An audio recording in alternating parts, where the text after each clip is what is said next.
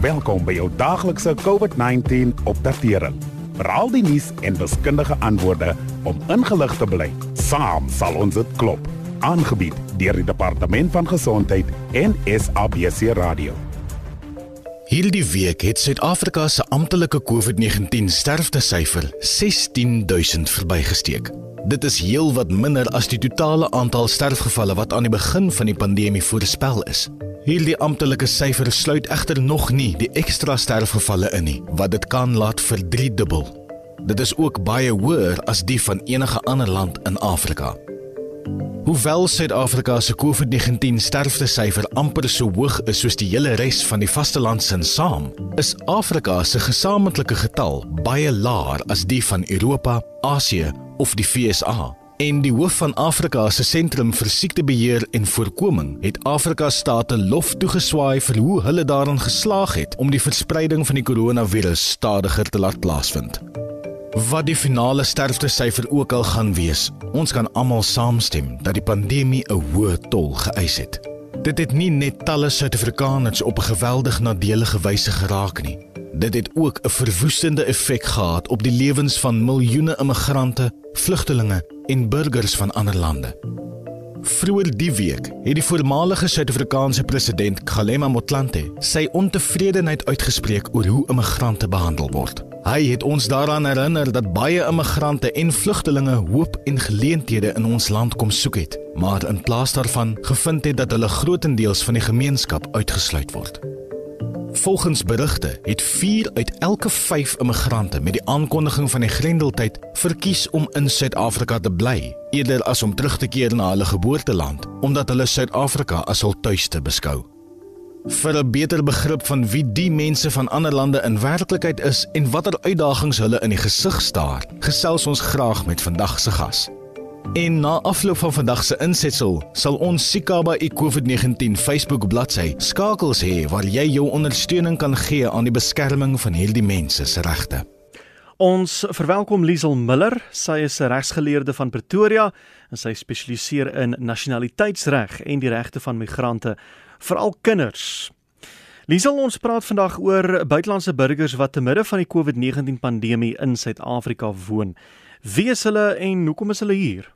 Eerstens moet ons verstaan dat migrante allerlei diverse mense is met verskillende statusse en redes om hier te wees. So die sektor verkies eerder om meer spesifieke terme soos asielsoeker, vlugteling, oorgrensmigrante hierdie tipe van terme te gebruik in plaas van een term wat uh, vir almal geld. Een etiket of groepnaam is misleidend. Asielsoekers en vlugtelinge is hier as gevolg van politieke onstabiliteit of vervolging in hulle tuislande en baie migrante is hier om te studeer, te werk of 'n bydrae tot die samelewing te lewer. Een van die grootste wanopvattinge is dat die meeste migrante onwettig hier is en dit is bloot eenvoudig net nie waar nie. Vertel ons 'n bietjie meer oor die regte en die hulpbronne in Suid-Afrika eh, waar hulle toegang het.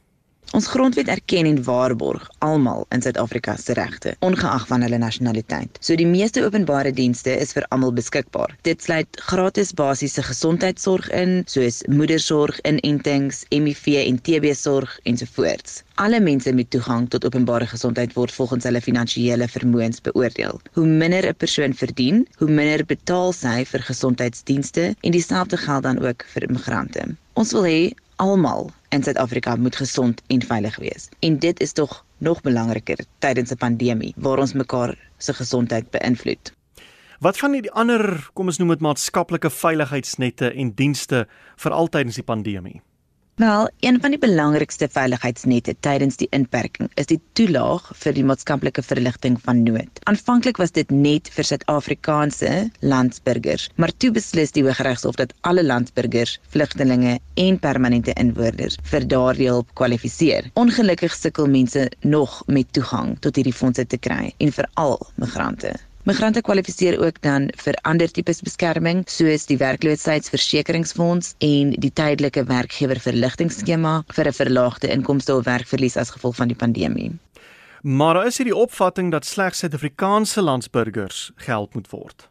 Hierdie opvatting is 'n opvatting wat op allerlei misverstande gebaseer is. Om mee te begin, vra jouself af waar die geld vandaan kom om regeringsdienste te lewer. Belasting natuurlik. As jy iets in hierdie land koop, is allerlei soorte belasting by die by die prys ingesluit. So net deur iets te koop, word jy onmiddellik 'n belastingbetaler en maak jy 'n bydrae tot die ekonomie.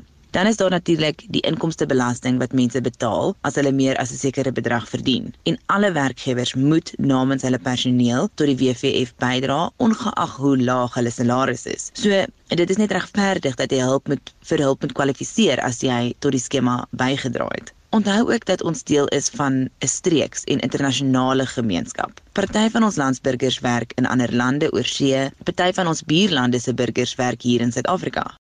Ons trek almal voordeel uit die weierstelsel wanneer ons reis of deur middel van handel. Die wêreld is nou so nou verbind dat ons regte en beskerming moet verleen aan mense wat rondbeweeg, soos wat ander lande ook aan ons verleen wanneer ons hulle besoek of daar woon. Watter ander uitdagings sou die inperking vir migrante in? Iets wat regtig die lewe vir hulle moeilik gemaak het, is die feit dat baie migrante se visums of permitte verval het. En die departement van binnelandse sake het 'n algemene verlenging van permitte toegestaan. Die verlenging beteken dat hulle steeds wettiglik hier in Suid-Afrika is. Maar hierdie permitte sal moet hernu word binnekort en daar moet 'n langtermynplan gemaak word. Dit kan baie spanning en angs veroorsaak vir migrante.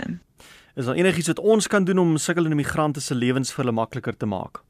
Migrante in Suid-Afrika ervaar ontsettend baie xenofobie en woede. En dit raak natuurlik erger as gemeenskappe onderdruk is en iemand soek om te blameer. So ons moet onsself hierteen verset.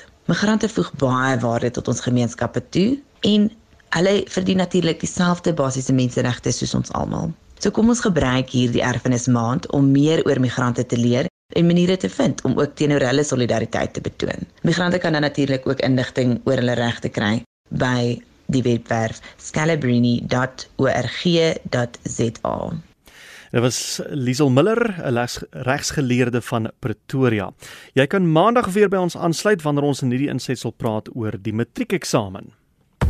Dankie dat u geluister het na die daaglikse COVID-19 inligtingstuk aangebied deur die Departement van Gesondheid en SABC Radio in samewerking met die Solidariteitsfonds. Wees veilig, bly gesond. Saam sal ons dit klop.